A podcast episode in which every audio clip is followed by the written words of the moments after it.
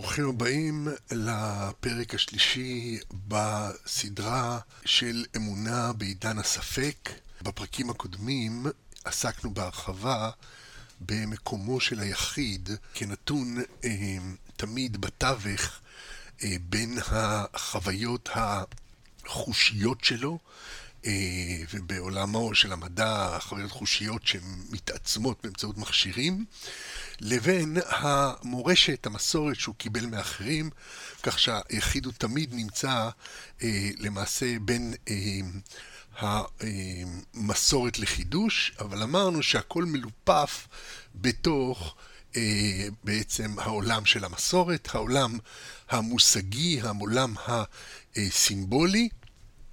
כשהמערך החושי של היחיד רק משמש בעצם אה, כדי לאשש אה, שוב ושוב את האמת של המושגיות הסימבולית. אה, למעשה, אנחנו יכולים לדבר על מעין קו תפר בין חווייתו של היחיד לבין מרחב קיומם של אחרים, שמהם היחיד שואב את כל ידיעותיו, והקו תפר הזה הוא אה, קו שנמצא אה, כמו, כמו שניתן לדבר על תא ביולוגי, שהקרום המכסה אותו הוא דק מאוד יחסית לגודל של התא עצמו, אה, קרום דק שבדקים, כך ניתן להגיד שהחוויה החושית, הבלתי אמצעית של היחיד, אותה חוויה שתואמת, שחווה, שמרגישה, שחשה, שיכולה להסתכל מבעד לעינית המיקרוסקופ, אותה ישות הובה וחובה היא רק, אה, אה, בוא נגיד, החוויה שאותה ישות חובה היא רק קרום דק על פני הממשות של העולם הסימבולי, שבתוכו כל המציאות ספונה. ואכן, העולם הסימבולי הזה הוא עולם שאנחנו כל הזמן מאששים אותו באמצעות החוויות שלנו, וזה קו תפר הקו התפר הזה, שבו אנחנו בכל זאת באים במגע ישיר עם המציאות וחווים אותה באופן בלתי אמצעי, הוא אכן אה, דק שבדקים, אה, ומעט מאוד עובר אלינו אה, באופן אה, שלמעשה יסתור את העולם המושגי שלנו, העולם הסימבולי שלנו. אה, למעשה, אה, ניתן לדבר על מקום שבו היחיד הוא כל הזמן אה, נתון אה, בתוך העולם הסימבולי, כפי שדיברנו והזכרנו, והחידוש רק מופיע, אה, חידוש במובן הזה של דברים שאינם לכתחילה כלולים בהשקפה האמונית שלו על המציאות, אה, מופיעים רק לעיתים אה, אקראיות, אה, והחידוש הגדול של העולם אה, של עידן הספק הוא זה שאנחנו כבר מצפים מראש שבשלב מסוים המציאות תסתור, אה, תסתור את האמונה שלנו, אבל, אבל הציפייה הזאת היא עצמה כבר אמונה, היא כבר עצמה חלק מתפיסת עולם הספק, ואנחנו יודעים שבעולמות דתיים כל הזמן מורדים באמונה הזאת. ואומרים בכל זאת יש אמת אחת מוחלטת שניתן אה, לאחוז בה, אמת שאפשר למצוא קריטריון ולהצביע אליה בעין, ו, ומשתמשים בעצם העמדה הענבה הזאת שמכירה במוגבלות של היכולת האנושית שלנו לתפוס איזושהי אמת אה, כמשהו שיש למרוד בו, כי אה, כמובן האמת היא האמת הנצחית המנוחלת מאבות, המנוחלת ממסורת, שיודעת להצביע על האלוהים או על מבנה העולם הקרמי או, או כל דבר אחר שהוא עבר במסורת ואינו תלוי בחוויה האמפירית שלנו. ובכל זאת, אנחנו עסקינן בכל, בכל זאת ב... אה, הקו הדק הזה שבין החוויה האמפירית לבין האמונה הסימבולית שבה אנחנו ספונים, ואחרי שבפרק הקודם הבאנו את דוגמתה של אה, חווה אימנו כדוגמה מן הדת, אנחנו פונים עכשיו אל אה, מקרה אחר. המקרה אה, של הפיזיותרפיסט מקנזי כדוגמה מעולם המדע, שבו, שבה אנחנו נראה את אותה, אותו תופעה, אותה תופעה של יחיד הבא מתוך עולם אה, סימבולי שכבר הוקנה לו מ, אה, מלכתחילה, ופוגש מציאות שסותרת את עולמו הסימבולי, כפי שחווה, אה, ראינו בפרק הקודם, פגשה את הנחש בעולם הדתי. כך אה, ניתן ללמוד אה, על המבנה, על ה...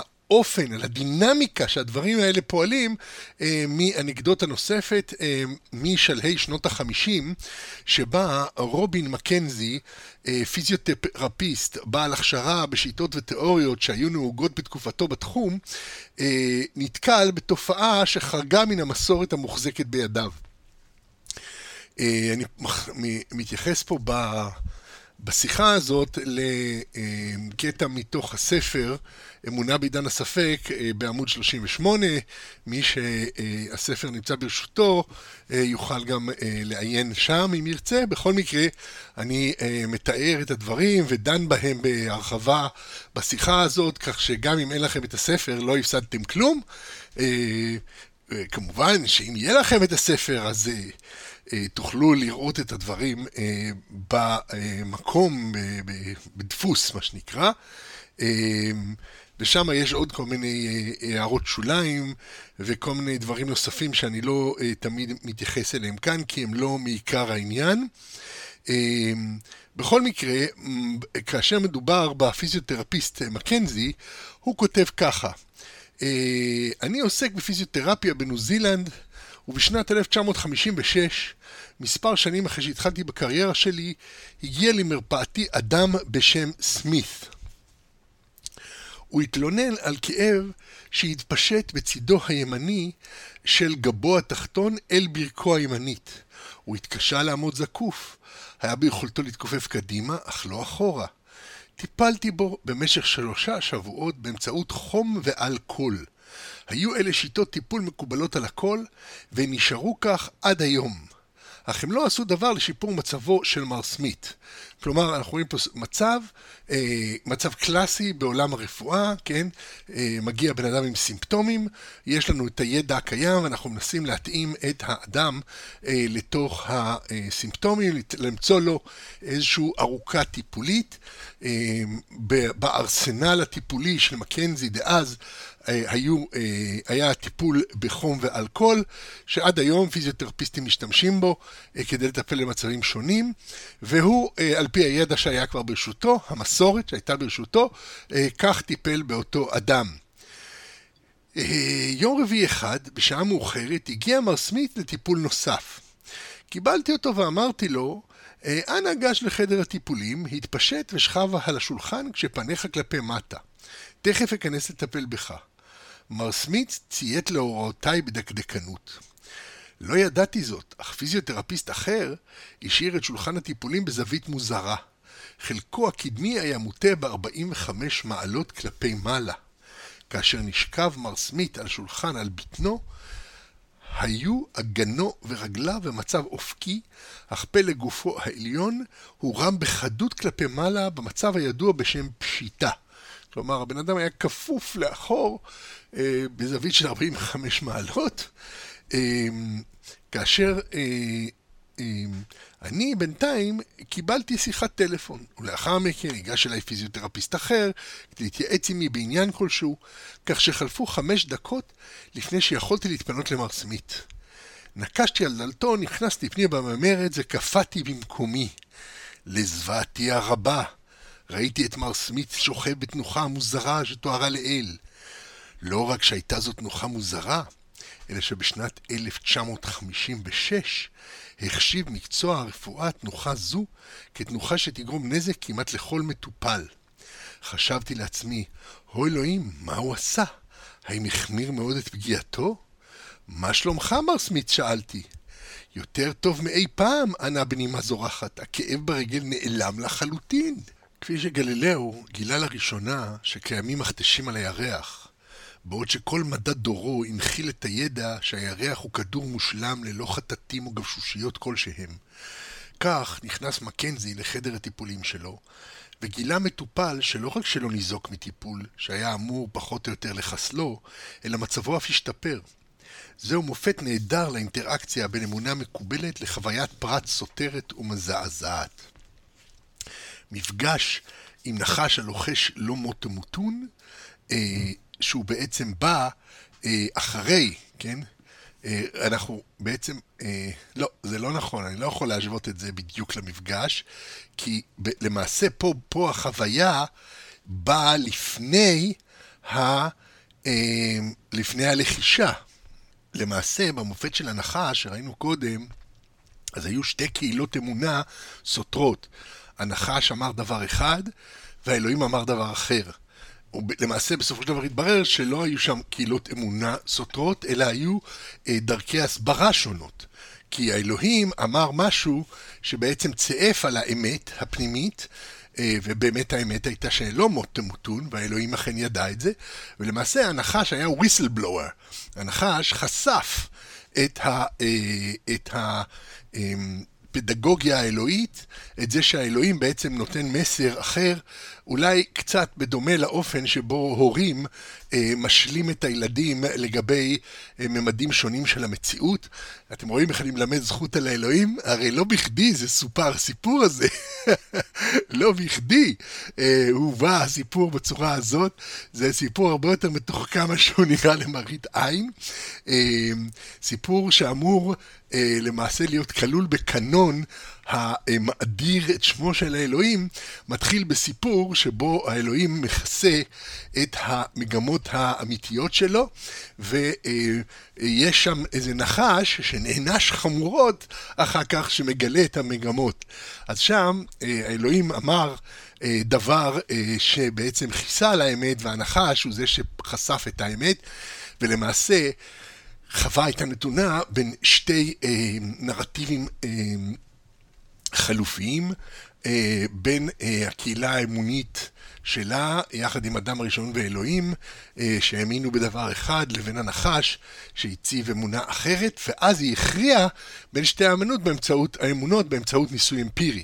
זה מאוד מאוד דומה למה שהזכרנו, את האופן שבו הניסוי, אה, ניסוי קריטי, מכריע לעיתים קרובות אה, בין תיאוריות סותרות, כמו התצפית המפורסמת של ליקוי החמה, באי פרינציפ שהכריע בין שתי השיטות של איינשטיין ושל, ושל ניוטון, ולמעשה יש ניסוי עוד יותר מעניין, שאני עוד אזכיר אותו, אה, כי לדעתי האיש היה צריך לקבל פרס נובל, אני לא מבין למה לא נתנו לו, פשוט גאון שבגאונים, אלן אספה, צרפתי, שהכריע למעשה בין השיטה של איינשטיין, פודולסקי, רוזן, שמצאו דרך להראות.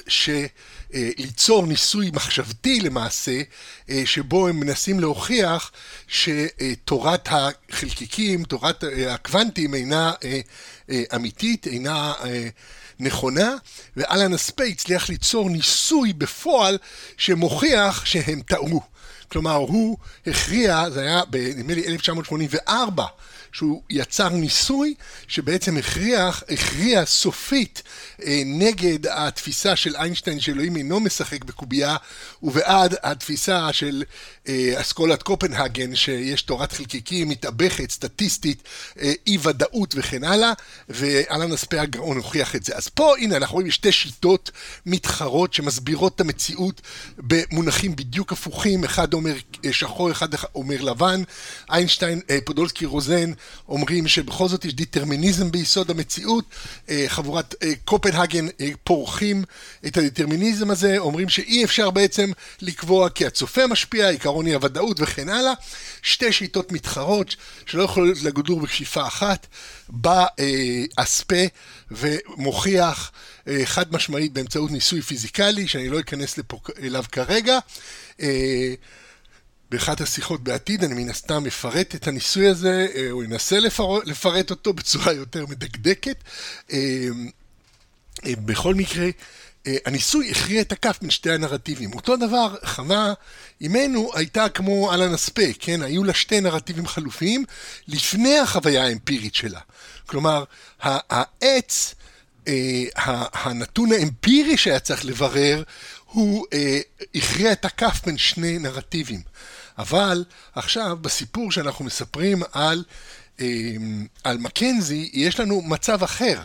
יש לנו מצב של הפתעה, של שוק, ש, שבו אדם אה, הולך לתומו עם נרטיב אחד, הוא מאמין באמונה תמימה שהמערכת המושגית המופשטת שלו מכסה את כל המציאות.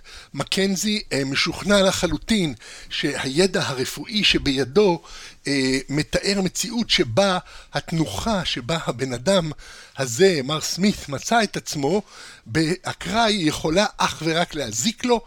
אה, זה היה הידע שברשותו, לא היה לו נרטיב חלופי, לא היה לו שום מחשבה אחרת בעניין הזה. הוא, זה היה לו ברור שזה לא טוב, מה שמר סמית עושה, והנה, מר סמית נמצא בתנוחה הלא טובה הזאת. מבסוט ומאושר כפשפש בתוך פרווה, משהו מאוד מוזר, ומקנזי מזועזע, האמונה שלו, המערכת המושגית שלו מקבלת אה, מכה, מקבלת ערעור שלא היה שם. אה, זה בעצם דר, דרכם של תגליות מדעיות שמתרחשות באקראי, שבאות בהיסח הדעת, ללא התשתית התיאורטי, והתגליות האלה הן בעצם תגליות שבאות ישירות מן העולם האמפירי שאינו משיב אהבה לעולם המושגי הרופף אותו. לאורך כל ההיסטוריה של המדע אה, אנחנו יכולים למצוא מקרים כאלה אה, של אה, תגליות ממוזלות, שאדם נתקל פתאום במשהו שלא היה ידוע קודם, וכשהוא מברר אותו הוא מגלה משהו חדש שמועיל מאוד, ובעצם אחר כך מחדשים את התיאוריה שתסביר את העניין, אבל לכתחילה זה בא מן האמפירי, זה מה שקורה עכשיו למקנזי, הוא פוגש את האדם הזה בתנוחה הלא בריאה, ומתקבלת תוצאה מוזרה, תוצאה מנוגדת. בניגוד למסורת שהייתה בידי מקנזי, האיש הרגיש טוב מהתנוחה הכי בעייתית על פי המסורת, אך מקנזי חזה במו עיניו בשיפור המיידי. במו עיניו נוכח מקנזי שטוב העץ למאכל. כלומר, אבל, הוא, אבל בניגוד לחווה, שקודם שמעה את התיאוריות ואחר כך טעמה מן העץ, ובררה בין שני נרטיבים, מקנזי פשוט טעם מן העץ באקראי ונפקחו עיניו. מקצוע הרפואה התווה את הפרוצדורות הראויות, שיש בהן מימד ריטואלי עמוק, מעצם זה שהן כרוכות גם בשאלות של סבל אנושי מצד המטופל, ובשבועה היפוקרטית מצד המטפל, הנותן על עצמו באופן פורמלי וטקסי לא להזיק. יש מימד של מעילה באמון בחריגה מהריטואלים החקוקים בידע הרפואי, וזו גם מסורת עם שיניים, עם עונשים המעוגנים בחוק המאיימים על החורגים מהמסורת, כפי שמגלה כל רופא שניצב בפני תביעה של רשלנות רפואית. באמת, יש לתמוה אם מקנזי היה מתוודה בקלות כזאת על הכישלון שלו בעידן הליטיגציה הנוכחי, ואם ועדת הלסינקי האמונה על ניסויים בבני אדם הייתה מאשרת לכתחילה ניסוי כזה העומד בניגוד עמוק כל כך למסורת הרפואית. טוב, שנות החמישים הפראיות, אנחנו יודעים שעשו הרבה הרבה ניסויים שהיום אה, בשום פנים ואופן אה, כבר לא יעשו אותם. אה, הזלזול אה, בחיי אנוש והפגיעה בחיי אנוש במקצוע הרפואה היה עמוק מאוד. אני לא בטוח שהיום הדברים השתנו עד כדי כך, יכול להיות שהיום כבר יודעים לכסות אותם בצורה יותר עמוקה, גם זה ידוע, ספרו הגס והבוטה של אה, אה, איך קוראים לו? סמיול שם, בית האלוהים, שמתאר כיצד יש שם אחד, רופא שהוא אה, אה, כל הזמן מחפש לראות האם תיאוריה מסוימת תאושש או לא, ולא בדיוק חס על חיי הפציינטים או על סבלם. אנחנו יודעים שהרבה פעמים רופאים משתתפים בכל מיני ניסויים שבהם הם צריכים מטופלים בשביל למלא את המכסות, ומטופלים מוצאים את עצמם בכל מיני מצבים, אבל לא ניכנס עכשיו לאתיקה מדע הרפואה, זה נושא שיש הרבה מה לדון בו. והוא לא מענייננו כרגע, מה שמענייננו אה, זה המקום הזה שבו מקנזי מצא את עצמו עם ההפתעה הזו. בכל מקרה, אה, לא צריך לזלזל פה במסורת, כי אילולא הייתה למקנזי מסורת ברורה וקפדנית שאומרת שהתנוחה הזאת מזיקה, הוא לא היה אולי כל כך מבחין ב, ב, בהפתעה שבתנוחה הזאת. כלומר, כשיש משהו שמזעזע את ה... אה, המובן מאליו שלנו, את האמונה הרגילה שלנו, הפשוטה, את העולם המושגי המורגל שלנו, זה מעורר אותנו, זה מקפיץ אותנו, אנחנו צריכים להסביר לנו את זה.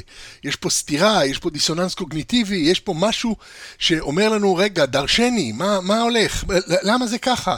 וכן, כמובן שכל סיפורי ההפחדות ורוחות הרפאים בנויים על זה, על משהו שיזעזע פתאום את האושיות של העולם המורגל והמסודר שלנו, של העולם המושגי ההגיוני שלנו, סדר הדברים ההגיוני, ופה יש משהו שפרץ את הסדר הזה, ובהיות אה, מקנזי אמון על המסורת המדעית, הוא ודאי לא חשב שהיה פה ריפוי ניסי, אלא הוא התחיל לברר אה, מה בדיוק קרה לאיש הזה שגרם לו להרגיש טוב. וכאן אה, הוא התחיל לברר את העומק, וכך הוא מתאר את התוצאות של הגילוי שלו בהמשך הדרך. על פני תקופה של 40 שנה, שכללתי בהתמדה את שיטת הטיפול. השיטה הכוללת תיקון של היציבה נודעה בשם שיטת מקנזי. חוקרים רפואיים איששו את היעילות של השיטה עבור אבחון וטיפול כאחד. מאמרים מחקריים רבים שפורסמו בכתבי העת המקצועיים תומכים בטכניקות של השיטה.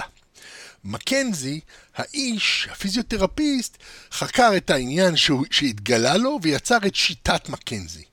כך למעשה נולדה מסורת חדשה, משום שהיום הפכה שיטת מקנזי לפרקטיקה מקובלת של פיזיותרפיה בכל מקום, לחלק בלתי נפרד מהארסנל של כל פיזיותרפיסט, שבמצבים מסוימים, נדמה לי סיאטיקה, או יש כמה מצבים, כאבי גב ספציפיים מסוימים, שבהם פשוט מנחים את המטופל אה, לעשות את התנוחה הזאת, להגיע למקום הזה של ה-45 מעלות, אה, לפעמים בהדרגה, ולאט לאט זה גורם לשיפור משמעותי במצבו של המטופל. כלומר, מה שהתגלה באקראי הפך עכשיו לשיטה והפך לחלק מהנחלה של הידע האנושי. ופה יש גם דינמיקה מאוד מאוד חשובה. מרגע שנפרץ הדרך, ואנחנו עוד נראה לאורך השיחות האלה אה, פריצות דרך דומות, שזה כמו מנהל חוגר שלא חוזר, ראצ'ט אפקט. זה זז קדימה ולא יכול לחזור אחורה כבר. מהרגע שכבר אתה יודע שהופיע משהו חדש בעולם, שהופיע ידע חדש בעולם, מיד העולם המושגי שלנו מתפשט להכיל את הידע הזה, וכבר אי אפשר לחזור אחורה לעמדה הקודמת. כלומר, אנחנו חייבים עכשיו לתת את ההסבר לתופעות החדשות, לתגליות החדשות, וחלק ניכר מההתפתחות של העולם המושגי האנושי הכללי, הפילוסופי, התרבותי, הדתי, הוא בדיוק ביחס לדברים כאלה, שינויים שחלו במציאות, במציאות האנושית, בין אם שינויים כתוצאה מדברים כמו מלחמות, אה, שינויים תרבותיים, אה, מחלות, אה, וכלה בדברים שפשוט ביום יום פשוט התחדשו לנו והשתנו. ועוד נעמוד על רבים כאלה. בכל מקרה, העולם המושגי שלנו תמיד מתפשט ומתרחב כדי להכיל את התופעות ה... החדשות הללו, שמיד מאבדות את חידושן כי הן הופכות כבר לחלק מהידע המקובל, לחלק ממה שאנחנו יודעים על המציאות. האמונה החדשה הזאת, שצמחה מתוך הסתירה בין המציאות למסורת הקודמת, אה, מצאה לה קרקע נוחה לנחיתה, במקרה של מקנזי, לא היה שם מלחמות אה, דת פיזיותרפיסטיות בין אלה שקיבלו את שיטת מקנזי לאלה שעדיין אחזו בדוגמה הישנה, אה, בעיקר משום שהעולם הרפואי הוא חלק מהממסד המדעי, שכפי שאמרנו, הוא חורט על דגלו לכתחילה את האפשרות שתיאוריות שקיימות יופרכו בבוא היום עם גילוי של ממצאים חדשים, וזאת בניגוד למערכות אחרות אה, אמוניות אה, של האנושות שאינן אה, עומדות לפרחה, כמו מערכות מתמטיות, מערכות אנליטיות, מערכות הדת, מערכות מטאפיזיות, כל מיני מערכות שאינן באות במגע עם איזשהו ממצא אמפירי שיכול לגרום בהם שינוי. אה, השינוי היחיד שיכול להיגרם בהם זה בעצם מותו של המחבר, כן? כאשר יש תזוזה אה, משמעותית באקלים התרבותי ומפסיקים להסביר את העולם בדרך אחת ומתחילים להסביר אותו בדרך אחרת. אני עוד ארחיב על כך את הדיבור בהקשר לדמונולוגיה, אה, לתזוזה בחשיבה האירופית בעקבות עליית המדע, שהפסיקו להסביר את המציאות במונחים מאגיים והתחילו להסביר את המציאות במונחים מדעיים, והתזוזה הזאת פשוט הוציאה את אמונת הכישוף ואת אמונת השדים מחוץ לעולם, אה, למרות שבמשך אלפי שנים ועד היום יש אנשים רבים שחיים בתוך העולם המושגי הזה, שמסביר את המציאות במונחים של הכוחות נסתרים הדמונים, אה, ומולם עומדת היום מציאות אה, של עולם מדעי שמסביר את התופעות הנסתרות במונחים אחרים, מונחים מכניסטיים, מונחים רדוקציוניסטיים, מונחים מדעיים. על כל פנים, עדיין כולם מכירים בזה שיש תופעות נסתרות מן העין, אבל יש תזוזה בעולם המושגי, בעולם ההסברי. והעולם המדעי הוא במיוחד פתוח לתזוזה כזאת. להבדיל מהעולמות התרבותיים, הפוליטיים, הדתיים וכן הלאה, העולמות של אה, תפיסות אה, בעייתיות, מיזוגניות, גזעניות, ששום דבר לא יזיז, שום דבר לא יזיז. אם אתה לכתחילה מאמין שכך הם פני הדברים, אז רק מציאות אמפירית, שאתה כמעט לעולם לא נפגש איתה, יכולה להזיז את זה, וכפי שדיברנו אה, בשיחות הקודמות, אה, אכן הייתה תזוזה בעקבות נגיד מלחמת העולם השנייה ששינתה את הפנים המשמעותיים של התפיסות הרווחות לגבי מהו האדם, מיהו האדם וכן הלאה, את אה, אנשים בעלי צבעו, צבעי עור שונים ודתות שונות לחמו כתף אל כתף מול אויב משותף, את הנשים יצאו מהבית והלכו לבתי החרושת ותפסו את כל המקומות של הגברים בהצלחה אה, ניכרת ביותר, והשינוי הזה אה, שבא לפני השינוי התיאורטי, זה היה קצת כמו השוק של מקנזי, היה פה קורח הוא אבי ההמצאה, היה פה איזה זעזוע שנגרם למערכת כתוצאה משינוי במציאות, ואחר כך כבר אה, היה צריך לשנות את התיאוריה, להיפרד מתורות גזע, להיפרד מתורות מיזוגניות, ולמצוא דרך אחרת להסביר מציאות שכבר השתנתה לכתחילה, כך שהרבה פעמים, כמו במקרה הזה של מקנזי, לפני שיש לנו תיאוריה חליפית, באה המציאות טופחת על פנינו ובעצם מראה שהתיאוריה המושגי, התפיסה המושגית הקודמת שלנו כבר אינה מכילה, אינה מכסה את המציאות, ואנחנו צריכים לתפור אה, כמה טלאים לשמיכה הזאת שלנו כדי שתכסה את כל המציאות. על כל פנים, למקנזי אה, הייתה קרקע נחיתה נוחה, כי לכתחילה מדע הרפואה מחפש את החידושים, מחפש את הדרך היותר טובה לעשות דברים, ובמקרה הזה פשוט אה, הופיעה, הופיעה אה, לעשות את הדברים. אה, במיוחד שמדובר במדע פרקטי, אה, שהוא מחפש באמת את ה... את המקום שבו אני יכול להועיל לאדם, גם אם אני לא בדיוק יודע למה זה הועיל. ובאמת יש לנו הרבה ענפים ברפואה שרואים שזה עובד. לא בדיוק יודעים למה זה עובד, אחר כך מנסים לחפש למה זה עובד. אבל הנה, זה פועל. בכל מקרה, עכשיו, מאחר וכבר התקדשה השיטה, שימו לב לדברי הדבקות של קרייג קובי, פציינט שנרפא בשיטת מקנזי, המתאר את הדבקות האמיתית והדיוק הטוב בשיטת מקנזי, בלשון המזכירה את מה שהרמח"ל מתאר במסילת ישרים. אני מביא קודם ציטוט מהרמח"ל, שזה, אה, הרמח"ל הוא נקרא אבי החסידות.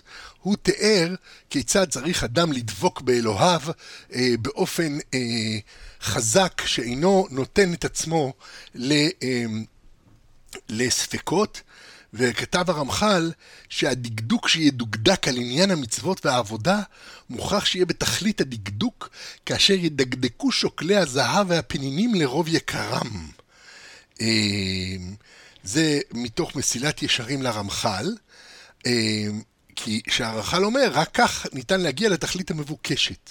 וגם אצל מקנזי, אה, גם אצל מקנזי ניתן להגיע לתכלית המבוקשת, זה הגאולה מן הכאב, באמצעות הדקדוק. ולכן, אני עכשיו מקריא לכם מהמסר של הפציינט של מקנזי, הוא כתב ככה: אה, המסר שלי אליכם, כותב קובי, הוא אה, עכשיו זה מודגש עם קו מתחת, אל תחתכו פינות, אל תהיו חסרי זהירות, אל תציצו בתרגילים ותעשו ניסיון סביר בלבד. יש גאונות בתרגילים האלה, אך חייבים לעשות אותם בדיוק כפי שרובין מקנזי אומר. קראו כל מילה של כל תרגיל כדי להבין אילו תרגילים מתאימים לכאב הגב או הצוואר שלכם. בצעו את התרגילים בדיוק כפי שרובין מורה לכם. בצעו את מספר הפעמים ביום שהוא אומר לכם לבצע, ובצעו את התרגילים בסדר הנכון. אם רובין אומר לבצע את תרגיל מספר 1 ואחריו את 6 ואחריו שוב את 1 ואז את 2, עשו אותם בסדר הזה, סימן קריאה. הרי לכם מסורת. וכל הפורץ גדר ישכן ונחש. מקרה מקנזי משחזר עבורנו למעשה את כל התפתחות המדע, את הגילוי האקראי, את המפגש עם מציאות סותרת, כפי שחווה פגשה בנחש, אה, אבל טוב, אמרנו חווה זה לא, כי היא פגשה נרטיב סותר. אבל כפי שדרווין ידען לגלות את הדמיון המבני המרתק בין זני הפרושים באיי גלפגוס. כך נכנס מקנזי לחדרו והזדעזע לגלות את המטופל, ולאחר עיון נוצרת מסורת חדשה. מקנזי חוקר את העניין, עובד עם מטופלים, הידע הולך ומחלחל אל המרחב הבין-אישי הרחב של מטופלים ומטפלים, שיטת מקנזי הולכת ומתפשטת בעולם, ולבסוף כבר יש לנו חסידים שדורשים קיום קפדני ודקדקני. ומעתה, כל החולק על שיטת מקנזי, קויפר!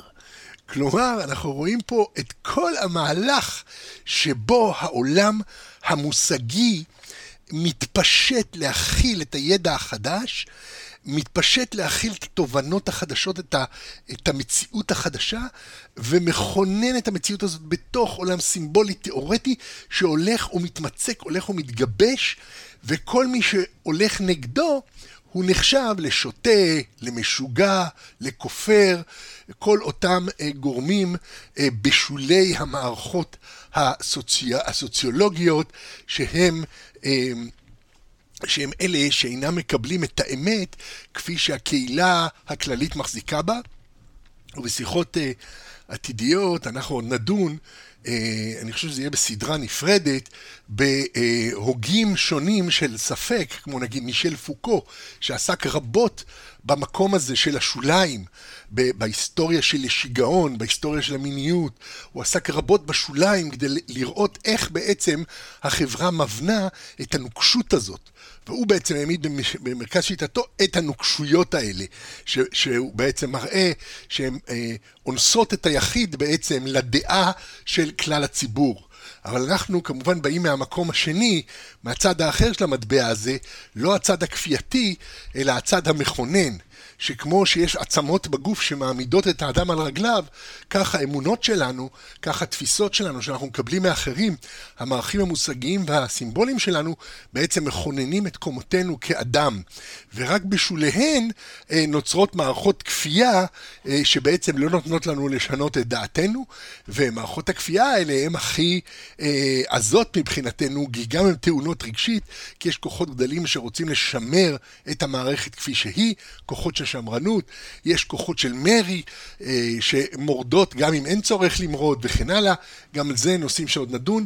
בכל מקרה, הנקודה המרכזית פה היא שמה שמתחיל כחידוש הוא מהר מאוד נבלע גם הוא בעולם המושגי הכללי, ואנשים מתחילים להאמין בדרך הזאת, ואי אפשר אחר כך, או קשה מאוד אחר כך, אה, לערער את המושגים ברגע שהם כבר מכסים את המציאות. גם אם יש לך תיאוריה חליפית נורא נורא מעניינת, זה לא מעניין אף אחד. כל זמן שהתיאוריה הקודמת אה, מנהלת יפה מאוד את המציאות. ראינו את זה אפילו במקרה של גלילאו, אני חושב שכבר הזכרתי את זה, שלמרות אה, שקופרניקוס היה מאה שנה לפני גלילאו, וגלילאו אה, עשה את כל המהלך, או לפחות על פי האגדות, יש היום כמובן מדענים, מדענים חוקרים היסטוריים, שטוענים שלא היה ולא נברא, שזה רק בדיעבד הסיפור של נוע תנוע.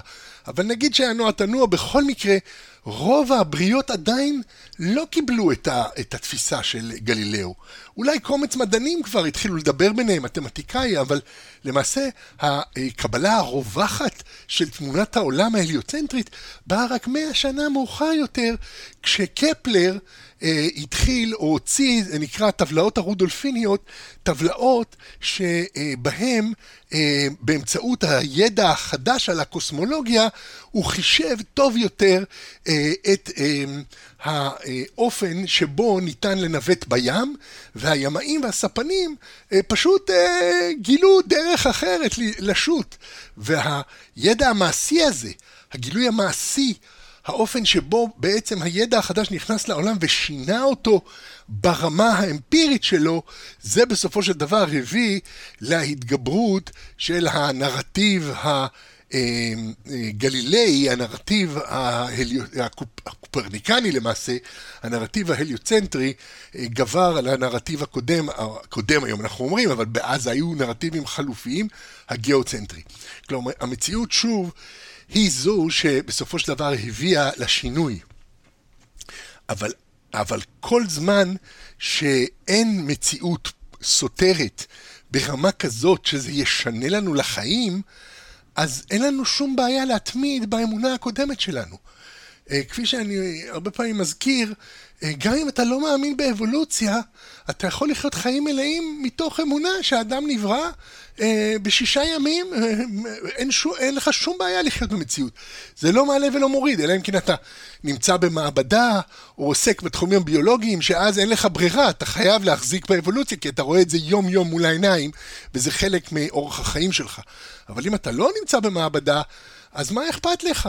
אז, אז, מה, אז אוקיי, אז יש כמה שמאמינים באבולוציה, זה לא מעניין אותך, אתה יכול לחיות חיים אנושיים מלאים בתוך העולמות המושגיים האנושיים, ולא מפריע לך האמת. האמת הטהורה אה, וכל מיני סוגים של אמיתות לא מעלים ולא מורידים לה, אה, לחיים האנושיים היומיומיים, וזה גם סודם של אה, משטרים חשוכים, משטרים קנאיים, אנשים רוצים לשמור על הסטטוס קוו, מוכנים להוריד ראש, לא אכפת להם, מהרבה דברים הם מעלימים עין. אה, בקיצור, איך אומרים? אל תרעיד את הסירה כדי שלא ניפול כולנו לים. יש נטייה חזקה מאוד של שמרנות בכל החברות האנושיות, והנטייה הזאת היא מוצדקת במובן הזה שהיא שומרת באמת על המבנים האנושיים, אה, אבל מה שאנחנו מתעסקים פה זה בעצם השוליים, המקום שהנטיות האלה משתנות, ויותר מכך, מה הנטיות האלה, מהי השמרנות של עידן הספק. כלומר, באיזה עולם אנו חיים היום, מהי האמונה אה, המאוד אה, מסוימת, מהם קווי מתאריה של האמונה שבה חיים אנשים מודרניים שחשופים לעולמות של נרטיבים חלופיים כל הזמן. עכשיו, אה, שאנחנו כבר מבינים אה, איך בעצם כל דבר מתקפל, אה, כל דבר במציאות האמפירית מתקפל לתוך העולמות המושגיים שלנו, אה, אני רוצה לדבר על מימד מאוד מעניין של הגילוי.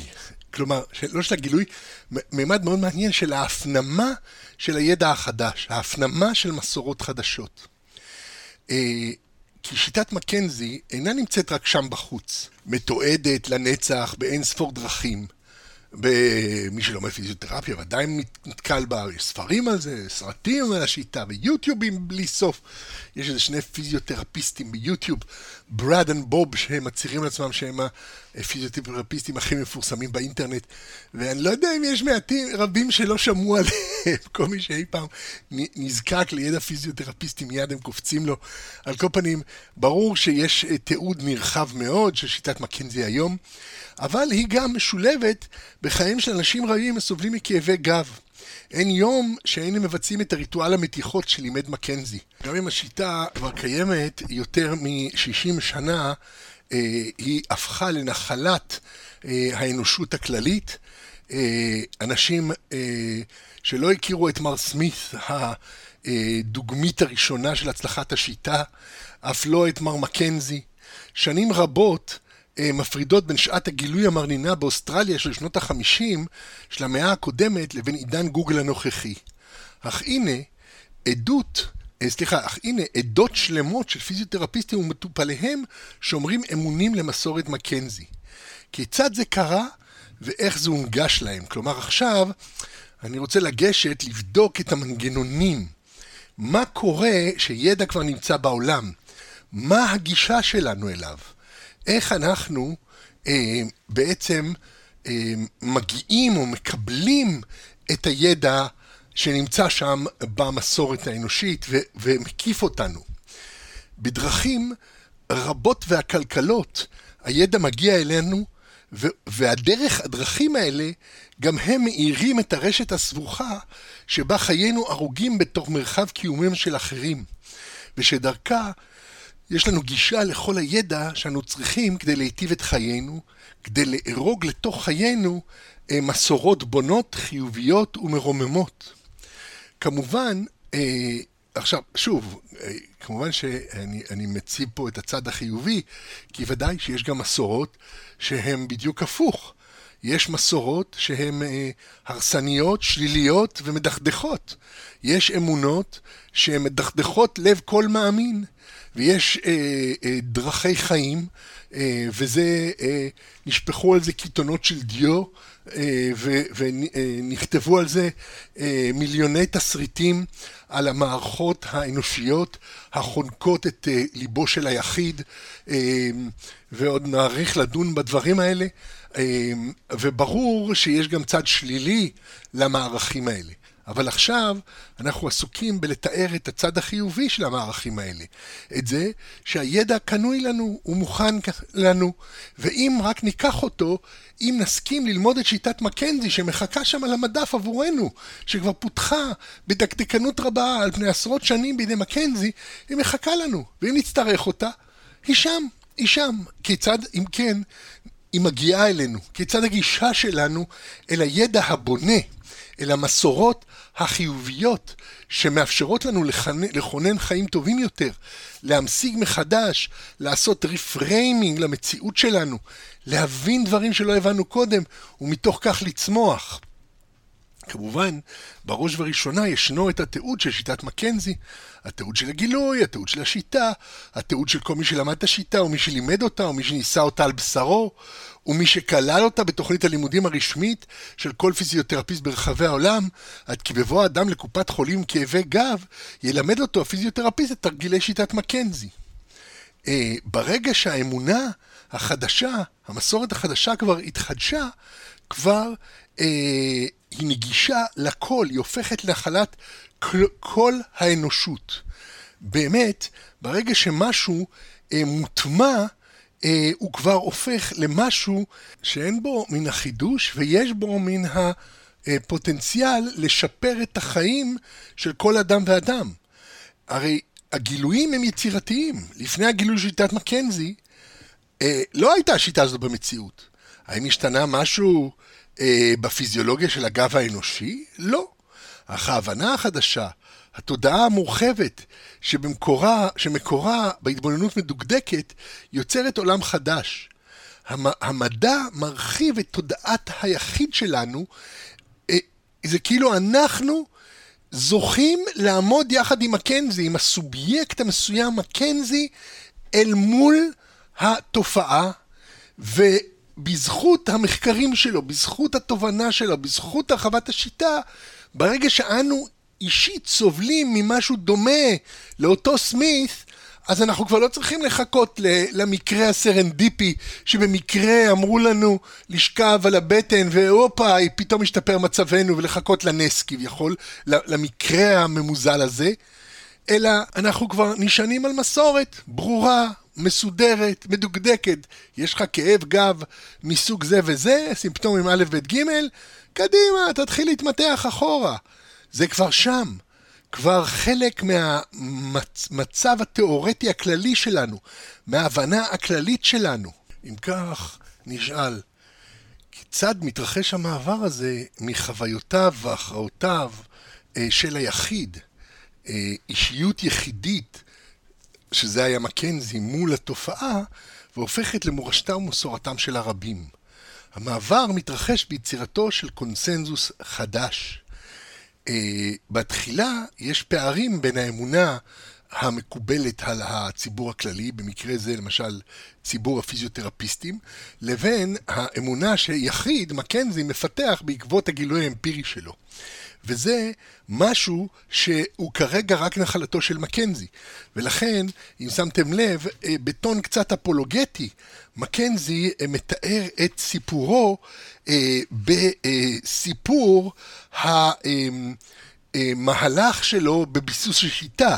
הוא אמר, על פני תקופה של 40 שנה, שכללתי בהתמדה את שיטת הטיפול. אה, חוקרים רפואיים איששו את היעילות.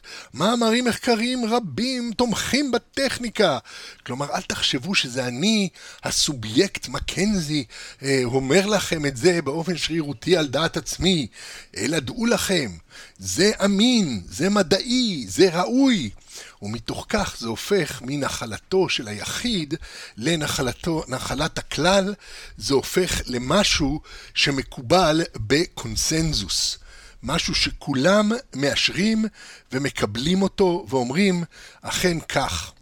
ולמעשה, מה שקובע עבורנו את המציאות המציאות המושגית שאנחנו קוראים לה האמת על המציאות, ואנחנו משתמשים פה בשיטת מקנזי רק כמופת לרעיון הזה. אנחנו יכולים להגיד על שיטת מקנזי שהיא אמת, שהיא דבר אמיתי, יעיל, פרקטי, נכון, ראוי, ביחס לתופעות מסוימות של כאבי גב. אז ההבנה הזאת, הקונסנזוס שהתגבש בקהילה המדעית, הפיזיותרפיסטית, סביב שיטת מקנזי, הוא בעצם החותם שלנו לגבי יעילות השיטה. אתה בא עם כאב גב ואומרים לך מי, תעשה ככה וככה. וברור לנו שהידע הזה הוא אמין, אנחנו מקבלים אותו מבעלי מקצוע, אנחנו מקבלים אותו מאנשים שיש להם אה, תעודות של פיזיותרפיסטים. זה ידע שכבר התקבל אה, בקונסנזוס אה, המדעי אה, של הקהילה הרפואית, ולכן הוא אמין עלינו. בדיוק כפי שמקנזי, כשהוא מדבר על הגילוי, הוא אומר הקונסנזוס שהיה אז, היה שהתנוחה הזאת היא הרסנית. כלומר, הקונסנזוס הוא בעצם קובע עבורנו מהי האמת. ברגע שאנחנו אה, רואים שיש רבים שמחזיקים בזה, שיש קונצנזוס כללי של אנשים, שוב, ברי אמינות, ברי סמכה, לא המשוגעים, הכופרים, אה, אה, האנשים אה, שהם בשולי המערכת האמונית, אלא אנשים שמחזיקים במיינסטרים, שמחזיקים באופן כללי, הרוב, הרוב קובע. ובמקום הזה יש קונסנזוס, והקונסנזוס האמוני הזה הוא קובע עבורנו את המציאות, את האמת. ועכשיו באמת נתחיל לדון בנושא של קונצנזוס וסמכות. כי למעשה האמונה בתיאוריה מסוימת כוללת גם את האמונה שהיא גם מתארת נכון את המציאות, ולכן ראוי לנהוג על פיה. הידע והאמונה בידע מתקשרים אל מקורם, ומכאן צומחת לה באופן בלתי נמנע שאלת הסמכות. לא רק למה להאמין, אלא למי להאמין. כי מאיפה אתם מקבלים, אני כל הזמן נשאר בדוגמה של מקנזי, אבל כמובן אפשר להביא אין ספור דוגמאות אחרות ל, לרעיון הזה. ממי אתם מקבלים היום את הידע אה, של שיטת מקנזי? בדרך כלל אתם מקבלים את זה מפיזיותרפיסטים, מאנשים בעלי מקצוע שמבינים בנושאים האלה, שהתמחו בידע הזה, הספציפי, שקשור לפיזיולוגיה האנושית. ידע שאולי כפרטים אין לנו אותו. כי אנחנו לא התמחינו בזה. אז אנחנו הולכים אל המומחה, לסמכות של המומחה, ומקבלים ממנו את האמת על המציאות. כלומר, המומחה, הסמכות, היא הופכת עבורנו למאגר, למשאב של אמת, שמרחיב את הידע הסובייקטיבי שלנו עד איפה שידנו מגעת להשיג את המציאות בעצמנו. וההרחבה הזאת היא בעצם מכוננת את האופן שבו אנחנו משיגים את המציאות בעצמנו. כי כפי שדיברנו בשיחות הקודמות, כל העולם שלנו, גם של כיחידים, הוא עולם מושגי, הוא עולם מופשט של רעיונות שמקפל בתוכו את המציאות. ולכן, הגורמי סמכות האלה, דעת הרוב הזאת, היא למעשה מכוננת עבורנו את חותם האמת, היא למעשה אומרת לנו אה, שאנחנו יכולים לנהוג בדרך הזאת, מאחר ואחינו בני האדם נוהגים בדרך הזאת ולא ניזוקו, או זה הועיל להם וכן הלאה. ואתם כבר כמובן שומעים מאחורה את ההדים האפלים של מה שאחינו בני האדם יכולים להאמין בו, אה, גם אם הוא אה, אין לו שום חלות ביחס למציאות אמפירית, והוא עלול מאוד להזיק לנו, אה, והבאנו לזה כבר דוגמאות רבות, אבל כאמור אנחנו עכשיו עוסקים בצד החיובי של אותו, אותה תופעה, ו, ו, ולהפך. רבים עוסקים בצד השלילי של התופעה, כי, כי אין, אין, אין נרטיב יותר אה, אה, מרומם ומשמח ומרתק מהנרטיבים של המורדים, של ההרפתקנים, של המגלים, של אלה שיוצאים מן הקונסנזוס ובעצם מביאים אה, לנו אה, ידע חדש, בעצם מרחיבים בסופו של דבר את הקונסנזוס שלנו.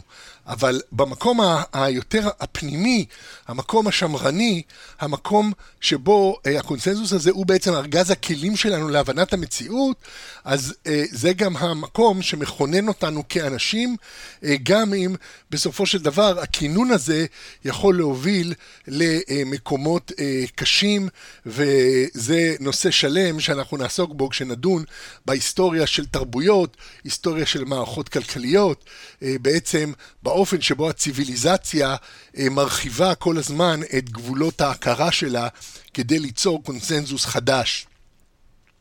אבל, כפי שהתחלנו לומר, אה, השאלה היא, השאלה של אה, חותם האמת נתון רק, אה, נתון גם לא רק למה להאמין, גם למי להאמין. אם אותו ידע על הגב היה מגיע מאיתנו, אלינו, ממישהו שהוא לא אמין עלינו, נגיד ילד, ילד בן שנתיים היה אומר לנו לעשות את התנוחה הזאת. אז היינו אולי מחייכים, לא סומכים עליו. אולי כן, או, או מישהו שמקובל עלינו כמשוגע, או מישהו שאנחנו יודעים שהוא בעצם אה, רופא בשיטה שאנחנו לא, לא סומכים עליה, איזה שמן, אה, רופא אליל כלשהו, שאולי מקובל בחברה שלו, אבל לא מקובל בחברה שלנו. אולי היינו חושדים באפקטיביות של השיטה. אבל ברגע שאנחנו מקבלים את זה מקור אה, אמין, מקור מוסמך, אז יש לנו נטייה להישען על זה ללא עוררין. כלומר, להישען על זה באופן שזה בעצם מין אה, הרחבה של התודעה העצמית שלנו. אה, כאן בעצם אנחנו נכנסים לעולם סוציולוגי שלם של איך בעצם אה, מכוננת, מתכוננת סמכות.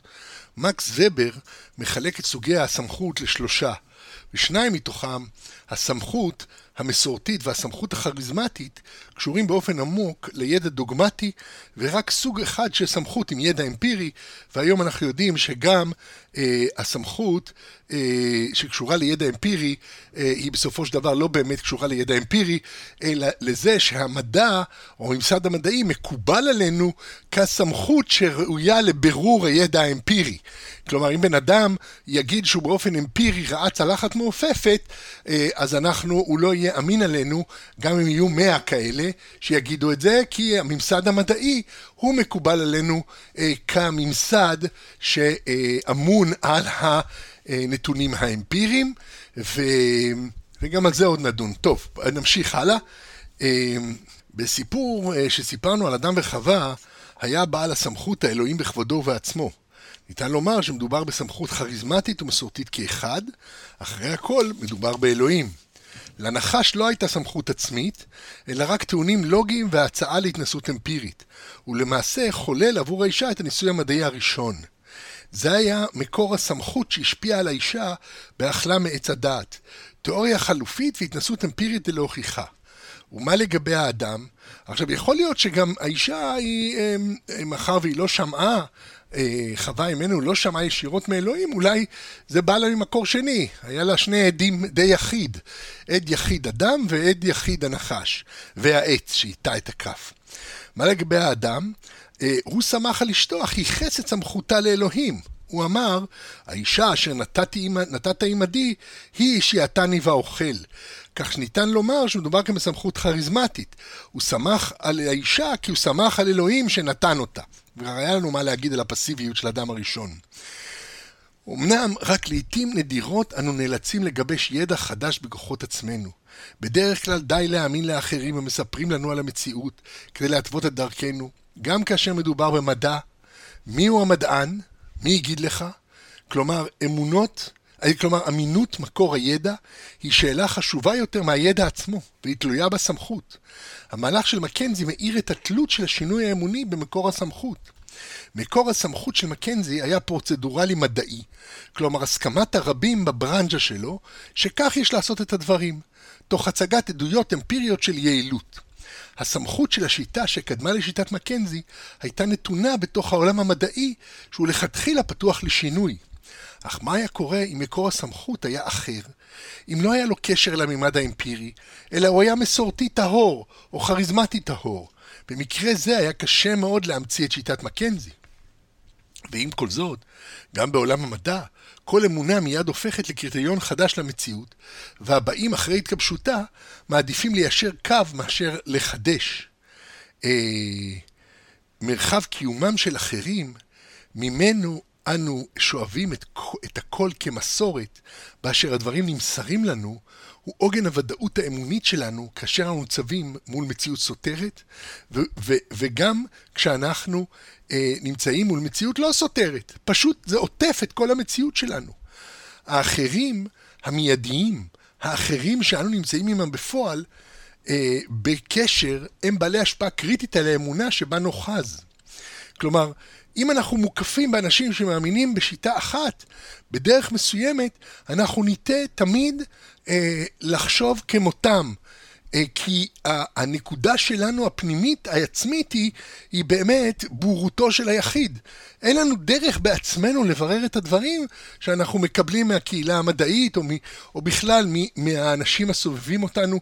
הידע הוא בסופו של דבר מונגש לנו על ידי אחרים, ויש את הניסויים המפורסמים של אש, שהוא יצר אה, סיטואציה ייחודית שאימתה את החוויה האמפירית הישירה של היחיד עם המסורת שהוזבה בפניו מצד הקונצנזוס של המשתתפים.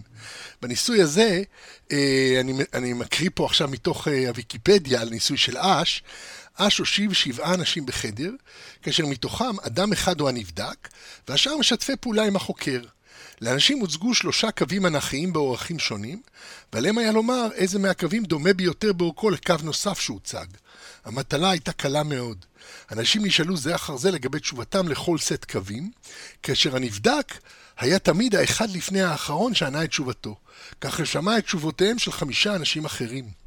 כאשר שאר האנשים ענו נכון, הנבדקים מעולם לא טעו בזיהוי הקו הדומה, אך כאשר משתפי הפעולה נתנו תשובה שגויה, נטו הנבדקים לענות כמוהם, כי... ואחר כך גם חקרו ושאלו מה הם חשבו, הנבדקים האלה.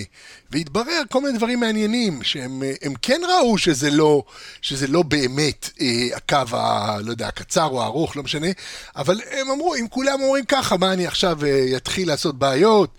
אה, היה, היה פה נטייה לכפוף ראש בפני הקונסנזוס. אה, למעשה מעטים חשבו שהמציאות האמפירית היא באמת השתנתה, אבל אה, היו כאלה, היו ביניהם, שאמרו, מאחר וכולם זה, הם כנראה יודעים מה הם מדברים. עכשיו, זה במצב אה, קיצוני, שבו ברור בעליל ההבדל בין הקווים. אבל אה, רוב הדברים במציאות שלנו, אין לנו מציאות אמפירית כזאת. אז אם יש לנו נטייה ליישר קו, כשברור לנו בעליל שהמציאות האמפירית סותרת, ואנחנו מורידים ראש ומסכימים עם הקונצנזוס, על אחת כמה וכמה שהמציאות האנושית, החברתית, היא כולה בנוית קונסנזוס, היא תולדה ישירה של הבניה חברתית טהורה, אין שם שום דבר אמפירי שיסתור, אה, חוץ מאולי סבל אנושי, שבסופו של דבר אה, פורך גם את המערכות התרבותיות היותר מפוארות, וממוטט אותן בסופו של דבר, אבל ביומיום, בשגרה, אין שום דבר שיפרוך, ואנחנו חיים בתוך אמונתם של אחרים כדגים בתוך מים. אמנם גם אצל אש, חוקרים מאוחרים יותר מצאו שכאשר הקבוצה לא מציגה עמדה אחידה, יורדת בצורה דרסטית מידת, מידת ההתנהגות הקונפורמית. מספיק שאדם אחד יציג עמדה שונה מיתר המשתתפים, אה, כדי להקטין את הסיכוי להתנהגות קונפורמית של הנבדק. למעשה, עלה כי מה שחשוב לשם קונפורמיות הוא הקונסנזוס, ולא מספר האנשים החושבים את אותו דבר. אה, עכשיו, שוב, כאמור, זה מדובר במקרה קיצון שהמציאות האמפירית גלויה לעין כל. ו- ואז ברור שאם עוד אחד אה, משתתף בדעה, אז אפשר לחבור אליו וכבר להגיד את מה שאנחנו באמת רואים. מדבר על ניסוי של אש. אבל במציאות הרגילה שלנו, אה, במציאות האנושית אני מתכוון, מה זה הרגילה? במציאות האנושית הכללית, אז ברור שהקונסנזוס הוא מקיף כל, וגם אם יש דעות אחרות, הם לא, הם לא ייחשבו, כי אין בעצם מציאות שאתה יכול להצביע עליה, הנה, אה, הדעה הכללית או הדעה, דעת היחיד אינה תופסת, אה, אלא רק אתה יכול להצביע על מקור הסמכות. כולם חושבים ככה, ולכן גם אני חושב ככה. וכי מן הסתם הם לא סתם, הם לא סתם חושבים ככה, וזה המחשבה של תרבותי, זה המחשבה של המסורת שלי, אה, ואין לי, לי סיבה לחרוג מזה. למעשה, אשכולות קונסנזוס הפזורים על פני מרחב קיומם של אחרים הם אלו שמקנים לנו את הוודאות באמונה ובמציאות הרב-רבדית של עידן הספק. יש חשיבות קריטית לרוחב הקונסנזוס ועומק ההתמחות של המחזיקים בו. רק לעיתים נדירות, אם בכלל, התרחש במציאות מצב של סתירה בוטה בין מה שאדם רואה לנגד עיניו לעומת מה שאחרים לו, אומרים לו על המציאות, כפי שהיה בניסויים של אש. ברגיל, המציאות האמפירית קונסנסואלית, משום שאין שם נסיין שיגיד לאנשים לראות משהו שלא נמצא, אך בהחלט אפשר, וזוהי תכונתו של עידן הספק, ששינויים חברתיים מרחיקי לכת ייצרו מציאות אמפירית הסותרת את האמונה המסורתית, באופן שניתן לומר שהאוחזים באמונה המסורתית נמצאים בתוך מעין ניסוי ניסוי נצחי של אש. הם כל הזמן נאלצים לומר למאמינים שמה שהם רואים בעיניהם אינו האמת, אלא דברי האמונה המסורתית הם האמת. ואם, כפי שראינו בניסויים של אש, אפילו מקרה בוטה כל כך שהמציאות ניצבת לנגד עיניהם, נוטים אנשים רבים ללכת עם דעת הרוב, על אחת כמה וכמה כאשר סתירות המציאות אינן, אינן כה בוטות, ויש גם מחירים נוספים להתבדלות מדעת הרוב. ניסוייו של אש מלמדים שהאמונה תלויה תמיד בדעת הרוב, באמונה שבה אוחזים האחרים הקרובים אליך, במעגלים הולכים ומתרחבים במרחב קיומם של אחרים, ותכונת עידן הספק, שגם המעגלים הקרובים ביותר זרועים באמונות חלופיות מעוררות ספק, מעצם היותם משוקעים בעידן שבו יש דעות חולקות למכביר. כל סוגי הסמכות נשענים על הסכמת דעתם של הרבים. הסמכות המסורתית נשענת על ציבור של שומרי מסורת שמחזקים אלו את אלו ההדדית לעשות את הדברים דווקא ככה. הסמכות הכריזמטית תלויה באותה נקודה אף היא, שחסידים ומעריצים מייחסים לדמות הכריזמטית את ייחודה, ושוב הרוב, הקונצנזוס המסכים שמנהיג זה הוא-הוא הרבי, הוא זה שקובע את אמינות הידע ואת סמכותו להכתיב פעולה. אוקיי, אה, אני חושב שנעמוד פה בשיחה הנוכחית. בשיחה הבאה נרחיב את הדיבור על הקונסנזוס כלב הוודאות ועל אה, מקורות אחרים אה, של סמכות שמעניקה את האמינות לידע שאנחנו מקבלים מבחוץ, שמעניקה למעשה את האמינות למציאות האמונית שלנו. ו, וכמובן שעיקר המציאות האמונית שלנו אינה תלויה בדמותם של יחידים או אפילו מוסדות, היא מועברת לנו אה, באופן אה, עמוק מאוד באמצעות השפה, שהיא הקונסנזוס היותר עמוק, שמילה שנאמרת בשפת הקהילה שלנו תהיה מובנת לכל אנשי הקהילה, שאנשים מסוגלים למעשה להחליף אלו, את אל, אלו עם אלו את מחשבותיהם היותר פנימיות באמצעות הדיבור, באמצעות אה, העברת המחשבות האלה אה, דרך המדיום של השפה, הכלי הגדול, אה, הסימבולי, המכיל את המציאות כולה, והמדיום הנלווה של הכסף, שמאפשר באמצעות פעילות סימבולית בעצם אה, להחליף בין כל אדם לאדם גם את היוזמות, המעשים, התוצרים של כל אדם ואדם, והמערכות הסימבוליות הגדולות האלה, המערכות הכלכליות, המערכות הלשוניות, הן מערכות שמכוננות את האנושות בכל מקום, ובצורה מאוד מאוד רחבה, שאינה תלויה במסורת אה, ספציפית אה, של סמכות. אבל כמובן שזה לא הכל, כמובן שהמקורות הספציפיים של סמכות יש להם תפקיד מאוד מאוד משמעותי, מאוד גדול בקיום של כל אחד, ואנחנו נמשיך לדבר על מסורת ואמונה, מסורת, סליחה, סמכות ואמונה בשיחה הבאה שלנו.